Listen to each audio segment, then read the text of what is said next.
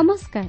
ଆରମ୍ଭ କରୁଛୁ ଆମର ବାଇବଲ ଅଧ୍ୟୟନର କାର୍ଯ୍ୟକ୍ରମ ପଥ ପ୍ରଦର୍ଶିକା। ପବିତ୍ର ବାଇବଲ କହେ ଯଦି ଆମ୍ଭେମାନେ ଆପଣା ଆପଣା ପାପ ସ୍ୱୀକାର କରୁ ତେବେ ସେ ଆମ୍ଭମାନଙ୍କର ପାପ କ୍ଷମା କରିବାକୁ ଓ ସମସ୍ତ ଅଧର୍ମରୁ ଆମ୍ଭମାନଙ୍କୁ ପରିଷ୍କାର କରିବାକୁ ବିଶ୍ୱସ୍ତ ଓ ନ୍ୟାୟବାନ ଅଟନ୍ତି। ଆସନ୍ତୁ ସେହି ଉଦ୍ଧାରକର୍ତ୍ତାଙ୍କର ପରିଚୟ ପାଇବା ନିମନ୍ତେ ଶୁଣିବା ବେତାର କାର୍ଯ୍ୟକ୍ରମ ପଥ ପ୍ରଦର୍ଶିକା।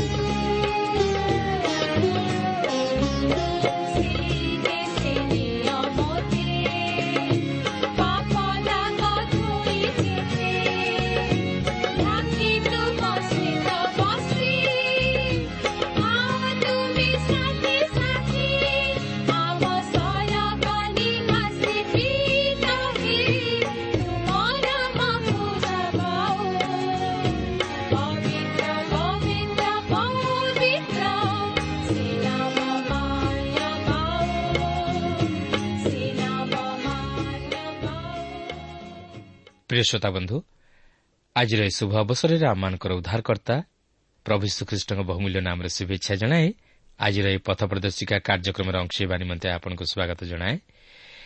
ଆପଣଙ୍କର ସହଯୋଗ ତଥା ହୃଦୟସ୍ପର୍ଶୀ ସାକ୍ଷ୍ୟ ନିମନ୍ତେ ବିଶେଷ ଧନ୍ୟବାଦ। ପ୍ରଭୁ ଯୀଶୁ ଯେ ଆପଣଙ୍କ ହୃଦୟରେ କଥା କହିଛନ୍ତି ଆଉ ସେ ଯେ ଆପଣଙ୍କ ସମସ୍ୟା ସମାଧାନ କରିଅଛନ୍ତି ତାହା ଜାଣି ଆମେ ପ୍ରଭୁଙ୍କ ନାମକୁ ବିଶେଷ ଧନ୍ୟବାଦ ଦେଉ। ହଁ ଯେଉଁମାନେ ପ୍ରଭୁଙ୍କଠାରେ ବିଶ୍ୱାସ କରନ୍ତି ସେମାନେ ତାହାଙ୍କର ବାସ୍ତବ ପରିଚୟ ପାଆନ୍ତି ଜୀବନରେ ଶାନ୍ତି ପାଆନ୍ତି ସମସ୍ୟାରୁ ଉଦ୍ଧାର ପାଆନ୍ତି। ଆସନ୍ତୁ ସେହି ପ୍ରଭୁଙ୍କର ବାକ୍ୟ ମଧ୍ୟକୁ ଯିବା ପୂର୍ବରୁ ପ୍ରାର୍ଥନାର ସହିତ ପ୍ରଭୁଙ୍କ ବାକ୍ୟର ନିକଟବର୍ତ୍ତୀ ହେବା। ଆସନ୍ତୁ ପ୍ରାର୍ଥନା କରିବା। ପ୍ରିୟ ପବିତ୍ର ପ୍ରଭୁ ତୁମର ପବିତ୍ର ନାମର ଧନ୍ୟବାଦ କରୁଅଛୁ ଏହି ସୁନ୍ଦର ସମୟ ପାଇଁ ତୁମର ଜୀବନ୍ତ ବାକ୍ୟ ପାଇଁ। ହଁ ପ୍ରଭୁ ତୁମର ବାକ୍ୟ ମଧ୍ୟ ଦେଇ ତୁମେ ଆମମାନଙ୍କ ସହିତ କଥା କୁହ। ଆମମାନଙ୍କୁ ସମ୍ପୂର୍ଣ୍ଣ ତୁମରି ହେବା ନିମନ୍ତେ ସାହାଯ୍ୟ କର।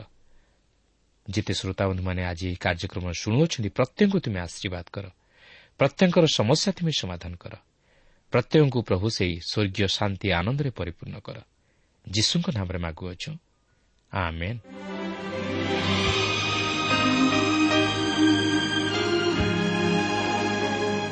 ଆସନ୍ତୁ ତାହେଲେ ପ୍ରଭୁଙ୍କର ବାକ୍ୟ ମଧ୍ୟକୁ ଯିବା। ଆଜି ଆମେ ଦ୍ୱିତୀୟ ସାମୁଏଲ ପୁସ୍ତକର ପାଞ୍ଚ ପର୍ବର ତେର ପଦରୁ ଆରମ୍ଭ କରି ଛଅ ପର୍ବର ତେଇଶ ପଦ ପର୍ଯ୍ୟନ୍ତ ଅଧ୍ୟୟନ କରିବା ନିମନ୍ତେ ଯିବା। ତେବେ ଏଠାରେ ମୁଁ ଆପଣଙ୍କୁ ସ୍ମରଣ କରାଇଦିଏ ଯେ ବର୍ତ୍ତମାନ ଦାଉଦ ସମଗ୍ର ଇସ୍ରାଏଲ୍ ଉପରେ ରାଜତ୍ୱ କରିବା ପାଇଁ ଯାଉଅଛନ୍ତି। ତେବେ ଦେଖନ୍ତୁ ପାଞ୍ଚ ପର୍ବର ତେର ପଦରେ ଲେଖା ଅଛି ଅନନ୍ତର ଦାଉଦ ହିବ୍ରଣରୁ ଆସିଲା ଉତ୍ତାରେ ଜିରୁସାଲାମରେ ଆଉ ଆଉ ଉପପତ୍ନୀ ଓ ଭାର୍ଯ୍ୟା ଗ୍ରହଣ କଲେ। ତାହେଲେ ଦାଉଦଙ୍କର ଆହୁରି ପୁତ୍ର କନ୍ୟା ଜାତ ହେଲେ। ଦେଖନ୍ତୁ ଏହା ହିଁ ଥିଲା ଦାଉଦଙ୍କର ଦୁର୍ବଳତା। ସେ ବହୁ ସ୍ତ୍ରୀ ଗ୍ରହଣ କରିଥିଲେ ଯାହାକି ଈଶ୍ୱର ମଧ୍ୟ ତାହାଙ୍କ ଜୀବନରୁ ଆଶା କରିନଥିଲେ। ଦାଉଦ ଯେ ଈଶ୍ୱରଙ୍କ ମନର ମତ ଓ ଈଶ୍ୱର ତାହା ସମର୍ଥନ କରିଥିଲେ ତାହା ନୁହେଁ। ଈଶ୍ୱର ବହୁ ବିବାହକୁ ନିଷେଧ କରନ୍ତି ଯାହାକି ଆମେ ପରେ ମଧ୍ୟ ଦେଖିପାରିବା। ଦାଉଦଙ୍କର ପୁତ୍ର ସଲମନଙ୍କ ଜୀବନରେ ଏହା ପ୍ରତିଫଳିତ ହେଲା ଓ ରାଜ୍ୟ ବିଭକ୍ତ ହୋଇଗଲା ଓ ଶେଷରେ ସେମାନେ ବାବିଲୋନ୍କୁ ନିର୍ବାସିତ ହେଲେ। କାହିଁକି ଜାଣନ୍ତି? ଯେହେତୁ ଦାଉଦ ଓ ତାହାଙ୍କ ପୁତ୍ର ସଲମନ ନେତୃତ୍ୱ ସ୍ଥାନରେ ଥିଲେ ଓ ସେମାନେ ରାଜା ଥିଲେ। ସେମାନଙ୍କର କାର୍ଯ୍ୟକଳାପ ଭୁଲ ଥିଲା। କିଏ କହନ୍ତି ସେମାନଙ୍କର କାର୍ଯ୍ୟକଳାପ ଭୁଲ ବୋଲି? ଈଶ୍ୱର କହନ୍ତି ସେମାନେ ଭୁଲ କଲେ। କାରଣ ଏହି ସୃଷ୍ଟି ହେଉଛି ତାହାଙ୍କର ଓ ସେ ମଧ୍ୟ ନିୟମ ସ୍ଥାପନ କରିଅଛନ୍ତି। ଯଦିଓ ଆପଣ ତାହା ପସନ୍ଦ କରିନପାରନ୍ତି ମାତ୍ର ସେ ଆମମାନଙ୍କର ଜୀବନ ନିମନ୍ତେ ସମସ୍ତ ନୀତି ନିୟମ ପ୍ରଣୟନ କରିଅଛନ୍ତି ଯଦ୍ୱାରା ମାନବ ପରିବାର ପ୍ରତି ଈଶ୍ୱରଙ୍କ ଶାନ୍ତି ତଥା ଆଶୀର୍ବାଦ ବର୍ତ୍ତେ ଓ ସେମାନଙ୍କର ପାରିବାରିକ ଜୀବନ ସୁଖମୟ ତଥା ଶାନ୍ତିମୟ ହେବାକୁ ପାରେ। ଏହାପରେ ପାଞ୍ଚ ପର୍ବର ଚଉଦରୁ ଷୋହଳ ପଦ ମଧ୍ୟରେ ଆମେ ଦାଉଦଙ୍କର ଯେଉଁ ପୁତ୍ରମାନଙ୍କ ନାମ ଉଲ୍ଲେଖ ହୋଇଅଛି ସେମାନଙ୍କ ମଧ୍ୟରୁ ପ୍ରଥମ ଦୁଇ ଜଣଙ୍କ ବିଷୟ ନେଇ ମୁଁ କିଛି ଜାଣିନାହିଁ। ମାତ୍ର ମୁଁ ନାଥନ୍ ଓ ସଲମନ୍ଙ୍କ ବିଷୟ ନେଇ କିଛି ଜାଣେ। କାରଣ ନାଥନ୍ଙ୍କ ବଂଶରୁ ମରିୟମଙ୍କର ଆଗମନ ହେଲା ଯିଏକି ଯୀଶୁଙ୍କର ମାତା ଥିଲେ ଓ ସଲମନ୍ଙ୍କ ବଂଶରୁ ଜୋସେଫଙ୍କର ଆଗମନ ହେଲା ଯିଏକି ମରିୟମଙ୍କର ସ୍ୱାମୀ ଥିଲେ। ତେଣୁକରି ଦାଉଦଙ୍କ ସିଂହାସନରେ ଅଧିକାରୀ ହେବା ନିମନ୍ତେ ପ୍ରଭୁ ଯୀଶୁଖ୍ରୀଷ୍ଟ ଉପଯୁକ୍ତ ବ୍ୟକ୍ତି ବୋଲି ଗୃହୀତ ହୋଇଥିଲେ ଓ ସେ ଦାଉଦ ସନ୍ତାନ ନାମରେ ନାମିତ ହେଲେ। ଯେହେତୁ ନାଥନ ଓ ସଲମନ୍ ଦାଉଦଙ୍କର ପୁତ୍ର ଥିଲେ। ତେଣୁକରି ସେହି କାରଣରୁ ଏଠାରେ ଏହି ବିଷୟ ନେଇ ସୂଚନା ଦିଆଯାଇଅଛି ଆସନ୍ତୁ ଏହାପରେ ପଲେଷ୍ଟିୟମାନଙ୍କ ସହିତ ଦାଉଦଙ୍କର ଯୁଦ୍ଧ କିପରି ଘଟିଲା ତାହା ଲକ୍ଷ୍ୟ କରିବାକୁ ଯିବା। ପାଞ୍ଚ ପର୍ବର ସତରରୁ ଅଠର ପଦ ମଧ୍ୟରେ ଆମେ ଦେଖୁଛେ ଯେତେବେଳେ ଦାଉଦ ସାଉଲଙ୍କ ହସ୍ତରୁ ରକ୍ଷା ପାଇବା ପାଇଁ ପଲେଷ୍ଟିୟମାନଙ୍କ ଦେଶକୁ ଚାଲିଯାଇଥିଲେ ସେତେବେଳେ ସେହି ପଲେଷ୍ଟିୟମାନଙ୍କର ରାଜା ଆଖିସ୍ ଦାଉଦଙ୍କୁ ନିଜର ଲୋକ ଭାବି ଗ୍ରହଣ କରିଥିଲା। କିନ୍ତୁ ବର୍ତ୍ତମାନ ଦାଉଦ ତାହାଙ୍କର ନିଜ ଦେଶ ଓ ଲୋକମାନଙ୍କ ନିକଟକୁ ଫେରିଆସିଛନ୍ତି ଓ ସେ ଇସ୍ରାଏଲ୍ ଉପରେ ରାଜାଭିଷିକ୍ତ ହୋଇଅଛନ୍ତି ଜାଣି ପଲିଷ୍ଟିୟମାନେ ତାହାଙ୍କୁ ଧରିବା ନିମନ୍ତେ ଛକି ବସିଛନ୍ତି। ଏହାପରେ ପାଞ୍ଚ ପର୍ବର ଉଣେଇଶରୁ ଏକୋଇଶ ପଦ ମଧ୍ୟରେ ଆମେ ଦେଖୁ ଯେ ଦାଉଦ ଏଠାରେ ଈଶ୍ୱରଙ୍କର ଇଚ୍ଛା ଲୋଡ଼ି କାର୍ଯ୍ୟ କରୁଅଛନ୍ତି। ସେ ନିଜର ସାମରିକ କୌଶଳ ବା ସୈନ୍ୟବାହିନୀ କିମ୍ବା କୌଣସି ମନୁଷ୍ୟ ଉପରେ ନିର୍ଭର କରୁନାହାନ୍ତି ମାତ୍ର ଈଶ୍ୱରଙ୍କ ଉପରେ ନିର୍ଭର କରୁଛନ୍ତି ଓ ଈଶ୍ୱର ମଧ୍ୟ ଦାଉଦଙ୍କୁ ପଲିଷ୍ଟିୟମାନଙ୍କ ଉପରେ ଜୟ ପ୍ରଦାନ କରୁଅଛନ୍ତି। କାରଣ ଯେଉଁମାନେ ଈଶ୍ୱରଙ୍କ ଉପରେ ନିର୍ଭର କରନ୍ତି ଈଶ୍ୱର ସେମାନଙ୍କୁ କେବେ ହେଲେ ନିରାଶ କରନ୍ତି ନାହିଁ। ମାତ୍ର ସେ ସେମାନଙ୍କର ସପକ୍ଷ ହୁଅନ୍ତି। ଯଦି ଈଶ୍ୱର ମନୁଷ୍ୟର ସପକ୍ଷ ହୁଅନ୍ତି ତାହେଲେ ମନୁଷ୍ୟର କ୍ଷତି କିଏ କରିପାରେ? ତେବେ ଦାଉଦ ଯଦିଓ ପଲେଷ୍ଟିୟମାନଙ୍କ ଉପରେ ଜୟୀ ହେଲେ ମାତ୍ର ପଲେଷ୍ଟିୟମାନେ ପୁଣି ଥରେ ଦାଉଦଙ୍କ ବିରୁଦ୍ଧରେ ଯୁଦ୍ଧ କରିବାକୁ ଉଠିଲେ ଓ ଈଶ୍ୱର ସେମାନଙ୍କୁ ପୁନର୍ବାର ଦାଉଦଙ୍କ ହସ୍ତରେ ସମର୍ପଣ କଲେ। ଦେଖନ୍ତୁ ପାଞ୍ଚ ପର୍ବର ବାଇଶରୁ ପଚିଶ ପଦ ମଧ୍ୟରେ ଆମେ ଦେଖୁ ଯେ ଈଶ୍ୱର ଯାହାର ସପକ୍ଷ ମନୁଷ୍ୟ ତାହାର କିଛି କ୍ଷତି କରିନପାରେ ଏହି ଜଗତ ଆମମାନଙ୍କ ନିମନ୍ତେ ଏକ ଯୁଦ୍ଧକ୍ଷେତ୍ର। ପ୍ରତି ସମୟରେ ଶାରୀରିକ ଭାବେ ନ ହେଲେ ମଧ୍ୟ ଆତ୍ମିକ ଭାବେ ଆମେ ଯୁଦ୍ଧର ସମ୍ମୁଖୀନ ହେଉ। ଶୈତାନ ଆମକୁ ତାହାର ହସ୍ତଗତ କରିବାକୁ ଚାହେଁ ଓ ଆମମାନଙ୍କ ଜୀବନରୁ ବାସ୍ତବ ସୁଖ ଶାନ୍ତି ହରଣ କରିନିଏ। ଈଶ୍ୱର ଓ ମନୁଷ୍ୟ ମଧ୍ୟରେ ଥିବା ଘନିଷ୍ଠ ସମ୍ପର୍କକୁ ସେ ଛିନ୍ନ କରିବାକୁ ଚାହେଁ। ତେଣୁକରି ମନୁଷ୍ୟ ମନରେ ଈଶ୍ୱରଙ୍କ ପ୍ରତି ସେ ନାନା ପ୍ରକାରର ସନ୍ଦେହ ଅବିଶ୍ୱାସ ଉଦ୍ରେକ କରାଏ। ଫଳତଃ ମନୁଷ୍ୟର ମନରେ ଈଶ୍ୱରଙ୍କ ପ୍ରତି ବିତୃଷ୍ଣା ଓ ବିଦ୍ରୋହର ଭାବ ଉଦ୍ରେକ ହୁଏ ଓ ମନୁଷ୍ୟ ଈଶ୍ୱରଙ୍କୁ ଅସ୍ୱୀକାର କରେ ଓ ଈଶ୍ୱରଙ୍କର ବିରୁଦ୍ଧାଚରଣ କାର୍ଯ୍ୟ କରେ। କିନ୍ତୁ ଆମେ ଯଦି ଜୀବନରେ ସଫଳତା ଲାଭ କରିବାକୁ ଚାହୁଁ ଓ ଶୟତାନ ଉପରେ ବିଜୟୀ ଜୀବନଯାପନ କରିବାକୁ ଚାହୁଁ ତାହେଲେ ଈଶ୍ୱରଙ୍କ ବାକ୍ୟ ଅଧ୍ୟୟନ କରିବା ସଙ୍ଗେ ସଙ୍ଗେ ପ୍ରଭୁ ଯୀଶୁଖ୍ରୀଷ୍ଟଙ୍କଠାରେ ବିଶ୍ୱାସରେ ସ୍ଥିର ରହିବାକୁ ହେବ ଓ ତାହାଙ୍କର ଇଚ୍ଛା ଲୋଡ଼ି କାର୍ଯ୍ୟ କରିବାକୁ ହେବ। ଦାଉଦ ନିଜ ଇଚ୍ଛାରେ ପଲେଷ୍ଟିୟମାନଙ୍କ ବିରୁଦ୍ଧରେ ଯୁଦ୍ଧ କରିବାକୁ ଯାଇନଥିଲେ। ମାତ୍ର ଈଶ୍ୱରଙ୍କ ଇଚ୍ଛା ଲୋଡ଼ି ଯାଇଥିଲେ। ଫଳତଃ ସେ ତହିଁରେ କୃତକାର୍ଯ୍ୟ ହେଲେ। ଆମେ ଯଦି ସେହିପରି ଆମମାନଙ୍କ ଜୀବନର ପ୍ରତ୍ୟେକଟି କ୍ଷେତ୍ରରେ ପ୍ରଭୁଙ୍କୁ ପ୍ରଥମ ସ୍ଥାନ ଦେବା ଓ ତାହାଙ୍କ ଇଚ୍ଛା ଲୋଡ଼ି କାର୍ଯ୍ୟ କରିବା ତାହେଲେ ଆମେ ପ୍ରତ୍ୟେକ କ୍ଷେତ୍ରରେ ସଫଳତା ଲାଭ କରିପାରିବା ଓ ଆମେ କେବେ ହେଲେ ଶତ୍ରୁ ସମ୍ମୁଖରେ ପରାଜିତ ତଥା ଅପମାନିତ ହେବା ନାହିଁ। ତେଣୁ ଆସୁ ସେହି ପ୍ରଭୁ ଯୀଶୁ ଖ୍ରୀଷ୍ଟଙ୍କଠାରେ ବିଶ୍ୱାସରେ ସ୍ଥିର ରହି ଓ ତାହାଙ୍କର ବାକ୍ୟାନୁମୋଦିତ ଜୀବନଯାପନ କରି ତାହାଙ୍କର ଇଚ୍ଛାକୁ ବୁଝିବା ସଙ୍ଗେ ସଙ୍ଗେ ତଦନୁଯାୟୀ ତାହାକୁ କାର୍ଯ୍ୟକାରୀ କରି ଏହି ଜଗତରେ ଏକ ବିଜୟୀ ଜୀବନଯାପନ କରିବା ନିମନ୍ତେ ଚେଷ୍ଟା କରୁ ଓ ପ୍ରଭୁଙ୍କର ଉଦ୍ଦେଶ୍ୟକୁ ସଫଳ କରୁ। ବର୍ତ୍ତମାନ ଆମେ ଏହି ଦ୍ୱିତୀୟ ସାମୁଏଲ ପୁସ୍ତକର ଛଅ ପର୍ବ ମଧ୍ୟକୁ ଯିବା। ଏହି ଛଅ ପର୍ବରେ ଦେଖିବାକୁ ଯିବା ଯେ ଦାଉଦ ଏକ ଠିକ୍ ବିଷୟ ସାଧନ କରନ୍ତି ଏକ ଭୁଲ ବାଟରେ। ସେ ସଦାପ୍ରଭୁଙ୍କର ନିୟମ ସିନ୍ଧୁକକୁ ଏକ ଶଗଡ଼ରେ ସିଓନକୁ ଆଣିବା ନିମନ୍ତେ ଚେଷ୍ଟା କଲେ। ଯଦିଓ ସେହି ନିୟମ ସିନ୍ଧୁକକୁ ସ୍ଥାନାନ୍ତରିତ କରିବା ନେଇ ଈଶ୍ୱର ବିଶେଷ ସତର୍କତା ଅବଲମ୍ବନ କରିବା ନିମନ୍ତେ ନିୟମ ପ୍ରଦାନ କରିଥିଲେ। କାରଣ ସେହି ନିୟମ ସିନ୍ଧୁକ ଯେପରି ପବିତ୍ର ସ୍ଥାନରୁ ସ୍ଥାନାନ୍ତରିତ ନ ହୁଏ ଏଥିନିମନ୍ତେ ଈଶ୍ୱର ଆଦେଶ ଦେଇଥିଲେ। କିନ୍ତୁ ଯଦି ଏହି ନିୟମ ସିନ୍ଧୁକକୁ ସ୍ଥାନାନ୍ତରିତ କରିବାକୁ ହୁଏ ତାହେଲେ ଲେବି ବଂଶର କହାତୀୟମାନେ ସେହି ନିୟମ ସିନ୍ଧୁକକୁ ସେମାନଙ୍କର ସ୍କନ୍ଧରେ ବହନ କରିବେ ଯାହାକି ଗଣନା ପୁସ୍ତକ ସାତ ପର୍ବର ନଅ ପଦରେ ଆମେ ଅଧ୍ୟୟନ କରିସାରିଛୁ କିନ୍ତୁ ଉଷ ନିୟମ ସିନ୍ଧୁକକୁ ସ୍ପର୍ଶ କରିବା ଦ୍ୱାରା ସେହିଠାରେ ମୃତ୍ୟୁବରଣ କଲେ କାରଣ ସେହି ନିୟମ ସିନ୍ଧୁକକୁ ଯାଜକମାନଙ୍କ ବିନା ଅନ୍ୟ କୌଣସି ଲୋକ ସ୍ପର୍ଶ କରିବା ବା ତାହା ପ୍ରତି ଦୃଷ୍ଟି କରିବା ଈଶ୍ୱରଙ୍କର ଆଜ୍ଞା ବିରୁଦ୍ଧ କାର୍ଯ୍ୟ ଥିଲା। କିନ୍ତୁ ଦାଉଦ ଠିକ୍ ଭାବେ ନିୟମ ସିନ୍ଧୁକକୁ ଆଣିଥିଲେ। ମାତ୍ର ସେହି ନିୟମ ସିନ୍ଧୁକକୁ ଆଣିବା ମଧ୍ୟରେ ଦାଉଦଙ୍କର ଈଶ୍ୱରଙ୍କ ପ୍ରତି ପ୍ରଗାଢ଼ ଅନୁରକ୍ତି ଓ ଭକ୍ତି ତଥା ଉତ୍ତେଜନା ଓ ଭାବପ୍ରବଣତାକୁ ଦେଖି ମିଖଲ ଦାଉଦଙ୍କୁ ଅନୁଯୋଗ କରନ୍ତି।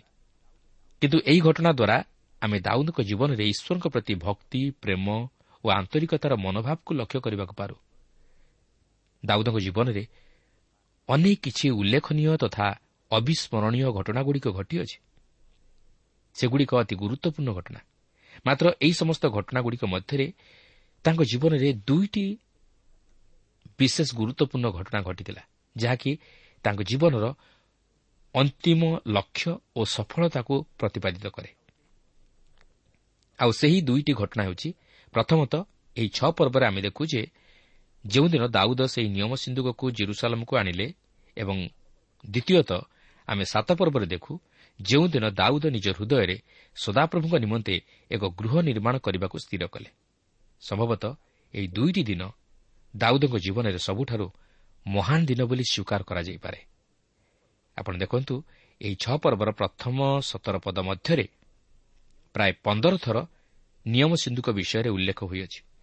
ତେଣୁକରି ଏଥିରୁ ଆପଣ ଅନୁମାନ କରିପାରିବେ ଯେ ଏହା ଦାଉଦ ଓ ସଦାପ୍ରଭୁଙ୍କ ନିମନ୍ତେ ଏକ ଗୁରୁତ୍ୱପୂର୍ଣ୍ଣ ବିଷୟ ଥିଲା।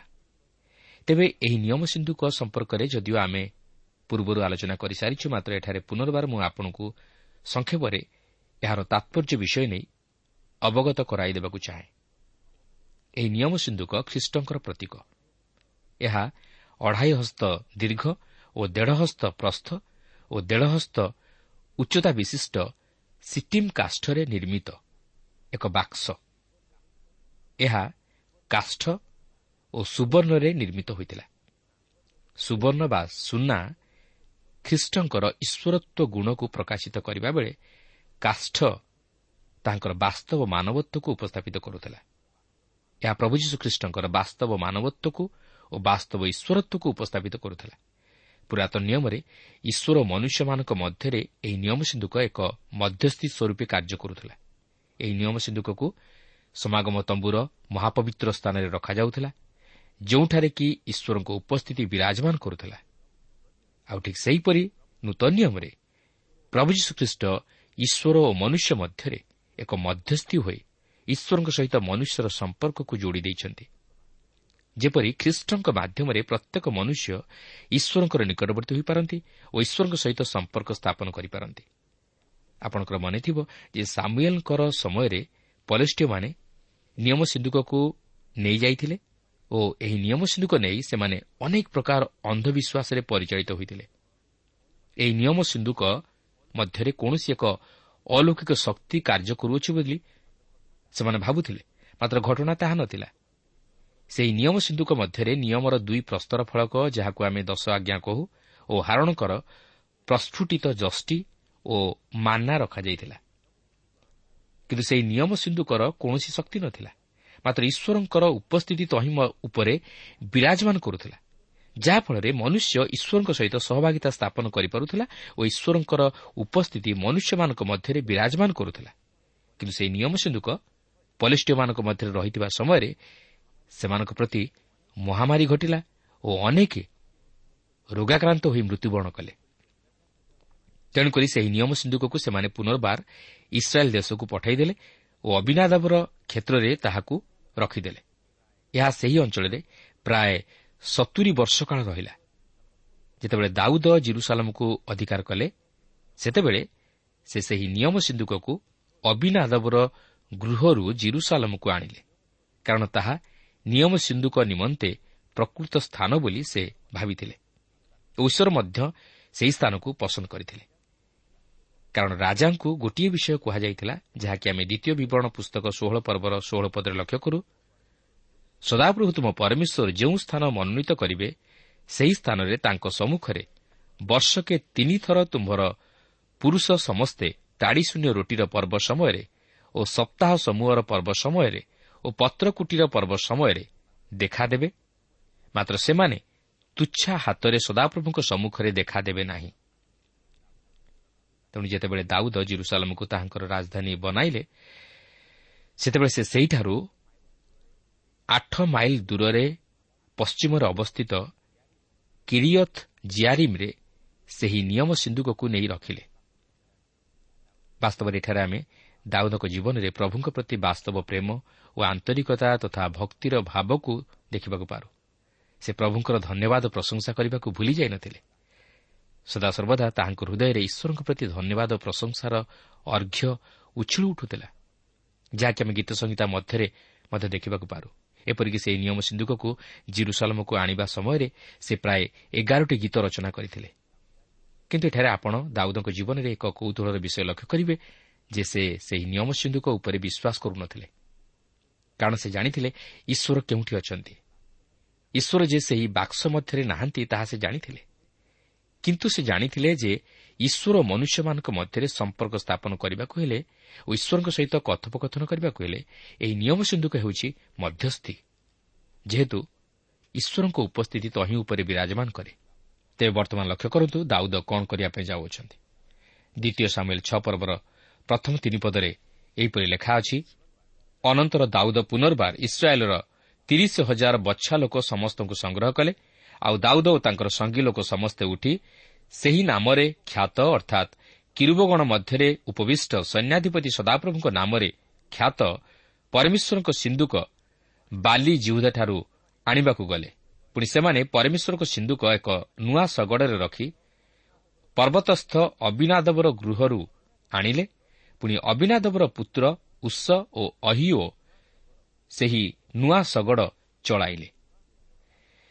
ଦେଖନ୍ତୁ ଏଠାରେ ଦାଉଦ ଭୁଲ କରି ବସିଲେ। ସେ ଯେଉଁପରି ଭାବେ ନିୟମ ସିନ୍ଧୁକକୁ ଜିରୁସାଲମକୁ ଆଣିଲେ ତାହା ଠିକ୍ ନଥିଲା। ସେଠାରେ ସଦାପ୍ରଭୁଙ୍କର ଆଦେଶକୁ ପାଳନ କରିପାରିଲେ ନାହିଁ। କାରଣ ଏହି ନିୟମ ସିନ୍ଧୁକ ଯାଜକମାନଙ୍କ ସ୍କନ୍ଧରେ ବୁହା ହୋଇ ଅଣାଯିବାର ଥିଲା। ଅର୍ଥାତ୍ ଲେବିୟମାନଙ୍କ ସ୍କନ୍ଧରେ ଅଣାଯିବାକୁ ଥିଲା।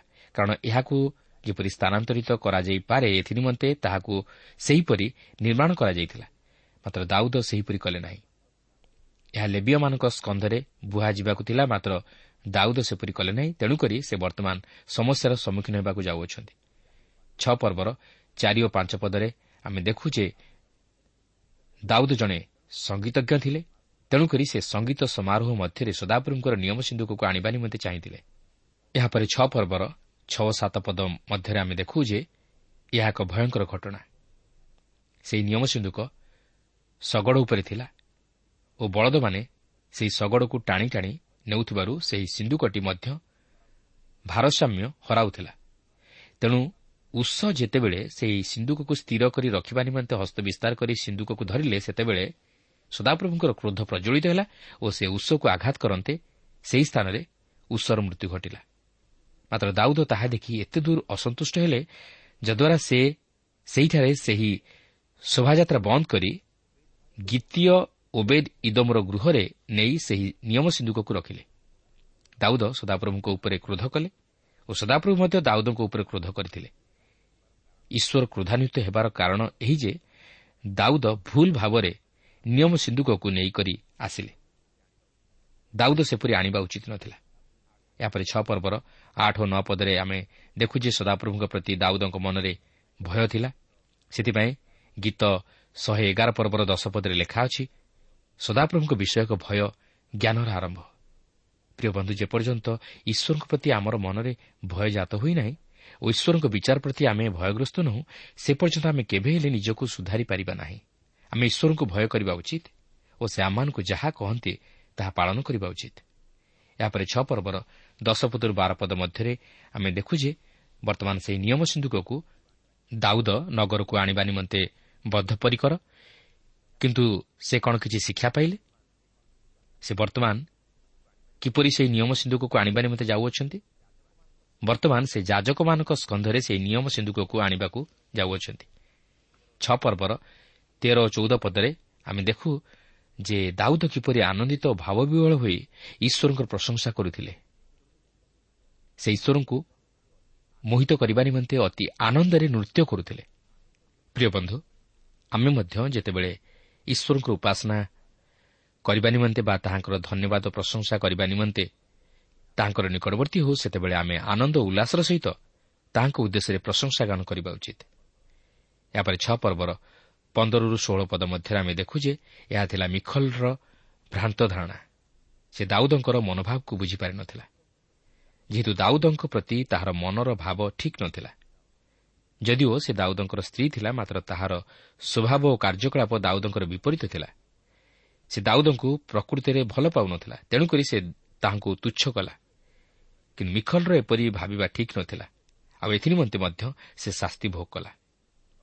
ଏହାପରେ ଛଅ ପର୍ବର ସତରରୁ ଉଣେଇଶ ପଦ ମଧ୍ୟରେ ଆମେ ସେହି ସମସ୍ତ ହୋମବଳୀ ପ୍ରଭୁ ଯୀଶୁଖ୍ରୀଷ୍ଟଙ୍କର ବ୍ୟକ୍ତିତ୍ୱକୁ ଦର୍ଶାଇବାର ଓ ସେହି ମଙ୍ଗଳାର୍ଥକ ବଳିଦାନ ସେହି ମଙ୍ଗଳ ବା ଶାନ୍ତିର ବିଷୟକୁ ଓ ସହଭାଗିତାର ବିଷୟକୁ ଦର୍ଶାଇବାର ଲକ୍ଷ୍ୟ କରିବାକୁ ପାରୁ ଯାହାକି ପ୍ରଭୁ ଯୀଶୁଖ୍ରୀଷ୍ଟଙ୍କର ସେହି କୃଷିୟ ରକ୍ତରେ ସ୍ଥାପିତ ହୋଇଅଛି।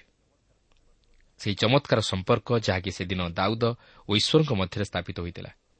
ଏହାପରେ ଛଅ ପର୍ବର କୋଡ଼ିଏ ପଦରେ ଲେଖା ଅଛି ଏଥିଉତ୍ତାରେ ଦାଉଦ ଆପଣା ପରିବାରକୁ ଆଶୀର୍ବାଦ କରିବା ପାଇଁ ଫେରିଗଲେ। ତହିଁରେ ସାଉଲଙ୍କର କନ୍ୟା ମିଖଲ ଦାଉଦଙ୍କୁ ଭେଟିବା ପାଇଁ ବାହାରେ ଆସି କହିଲା ଆଜି ଇସ୍ରାଏଲ୍ର ରାଜା କେଡ଼େ ଗୌରବ ପାଇଲେ? ସେ ଆଜି ଆପଣା ଦାସଗଣର ଦାସୀମାନଙ୍କ ସାକ୍ଷାତରେ ବିବସ୍ତ୍ର ହୋଇଥିଲେ ଯେପରି କୌଣସି ଅଗାଡ଼ି ଲୋକ ନିର୍ଲଜ ରୂପେ ବିବସ୍ତ୍ର ହୁଏ। ଦେଖନ୍ତୁ ଏହାର ଅର୍ଥ ନୁହେଁ ଯେ ଦାଉଦ ଉଲ୍ଲଗ୍ନ ହୋଇଥିଲେ ମାତ୍ର ସେ ନିଜର ରାଜବସ୍ତ୍ର ପରିହାର କରି ସାଧାରଣ ପୋଷାକରେ ଲୋକମାନଙ୍କ ସହିତ ମିଶି ଈଶ୍ୱରଙ୍କର ପ୍ରଶଂସା କରିଥିଲେ। କିନ୍ତୁ ମିଖଲ ତାହା ଚାହୁଁନଥିଲା। ଯେହେତୁ ସେ ନିଜର ଆତ୍ମସମ୍ମାନ ପଦମର୍ଯ୍ୟାଦା ଓ ଗୌରବ ଅନ୍ୱେଷଣ କରୁଥିଲା। ଆଜି ମଧ୍ୟ ସେହିପରି ଅନେକ ଅଛନ୍ତି ଯେଉଁମାନେ ଈଶ୍ୱରଙ୍କ ଉପାସନାରେ ମଧ୍ୟ ସେହିପରି ପଦମର୍ଯ୍ୟାଦା ମାନ ସମ୍ମାନ ପ୍ରତି ଦୃଷ୍ଟି ଦିଅନ୍ତି। ସେମାନେ ନିଜର ବଡ଼ିମା ପ୍ରଦର୍ଶନ କରନ୍ତି କିନ୍ତୁ ପ୍ରଭୁଙ୍କ ଦୃଷ୍ଟିରେ ସେମାନେ ଘୃଣିତ ହୁଅନ୍ତି। ଏହାପରେ ଛଅ ପର୍ବର ଏକୋଇଶରୁ ତେଇଶ ପଦ ମଧ୍ୟରେ ଆମେ ଦେଖୁ ଯେ ଦାଉଦ କହନ୍ତି ଯେହେତୁ ଈଶ୍ୱର ମୋତେ ମନୋନୀତ କରିଅଛନ୍ତି ଓ ସମସ୍ତ ମଙ୍ଗଳଦାନ ଦେଇଅଛନ୍ତି ତେଣୁକରି ମୁଁ ତାହାଙ୍କଠାରେ ଅଧିକରୁ ଅଧିକ ଆନନ୍ଦ କରିବି ଓ ତାହାଙ୍କ ନିକଟରେ ନିଜକୁ ଆହୁରି ଶୂନ୍ୟ କରିବି। ମୁଁ ଜଣେ ସାଧାରଣ ଉପାସକ ଭାବେ ଈଶ୍ୱରଙ୍କ ନିକଟରେ ନତମସ୍ତକ ହୋଇ ତାଙ୍କର ପ୍ରଶଂସା କରିବି କାରଣ ସେ ମୋର ରାଜା। କିନ୍ତୁ ମିଖଲର ଏ ପ୍ରକାର ମନୋଭାବ ସକାଶେ ଦାଉଦ ତାହାଠାରୁ ନିଜକୁ ପୃଥକ ରଖିଲେ ଓ ସେ ମଧ୍ୟ ସନ୍ତାନହୀନା ହେଲା। କାରଣ ମିଖଲ ଈଶ୍ୱରଙ୍କ ପ୍ରତି ଦାଉଦଙ୍କର ପ୍ରେମ ଓ ଭାବବିହୁଳତା ମଧ୍ୟରେ ଅଂଶୀ ହୋଇନଥିଲା ମାତ୍ର ସେ ତହିଁ ପରିବର୍ତ୍ତେ ଦାଉଦଙ୍କର ସମାଲୋଚନା କରିଥିଲା। ପ୍ରିୟ ବନ୍ଧୁ ଈଶ୍ୱର ଆମର ଅନ୍ତଃକରଣକୁ ଦେଖନ୍ତି। ଯଦି ଈଶ୍ୱରଙ୍କ ନିକଟରେ ଆମର ଜୀବନ ସରଳ ନୁହେଁ ଓ ଆମେ ନିଜକୁ ନତ ନ କରୁ ତାହେଲେ ଆମମାନଙ୍କର ଈଶ୍ୱରଙ୍କ ପ୍ରତି ସେବା ପୂଜା ଆରାଧନା ବ୍ୟର୍ଥ ଓ ମୂଲ୍ୟହୀନ। ଆମେ ଆଶୀର୍ବାଦ ପରିବର୍ତ୍ତେ ଅଭିଶାପର ପାତ୍ର ହେବା। ତେଣୁ ଆସୁ ସମ୍ପୂର୍ଣ୍ଣ ନମ୍ର ମନରେ ନତମସ୍ତକ ହୋଇ ଈଶ୍ୱରଙ୍କୁ ଗୌରବ ଦେଇ ତାହାଙ୍କର ଉପାସନା କରୁ। ମାତ୍ର ନିଜର ଗୌରବ ବା ମାନସମ୍ମାନ ତଥା ପଦମର୍ଯ୍ୟାଦା ପ୍ରତି ଦୃଷ୍ଟି ନ ଦେଉ ବା ତହିଁର ଅନ୍ୱେଷଣ ନ କରୁ। ପ୍ରଭା ପ୍ରତ୍ୟେକଙ୍କୁ ସେହିପରି ତାହାଙ୍କ ପ୍ରତି ଭକ୍ତି ତଥା ସମ୍ମାନ ଓ ନମ୍ରତାର ହୃଦୟ ଦାନ କରନ୍ତୁ। ପ୍ରଭା ପ୍ରତ୍ୟେକଙ୍କୁ ଆଶୀର୍ବାଦ କରନ୍ତୁ।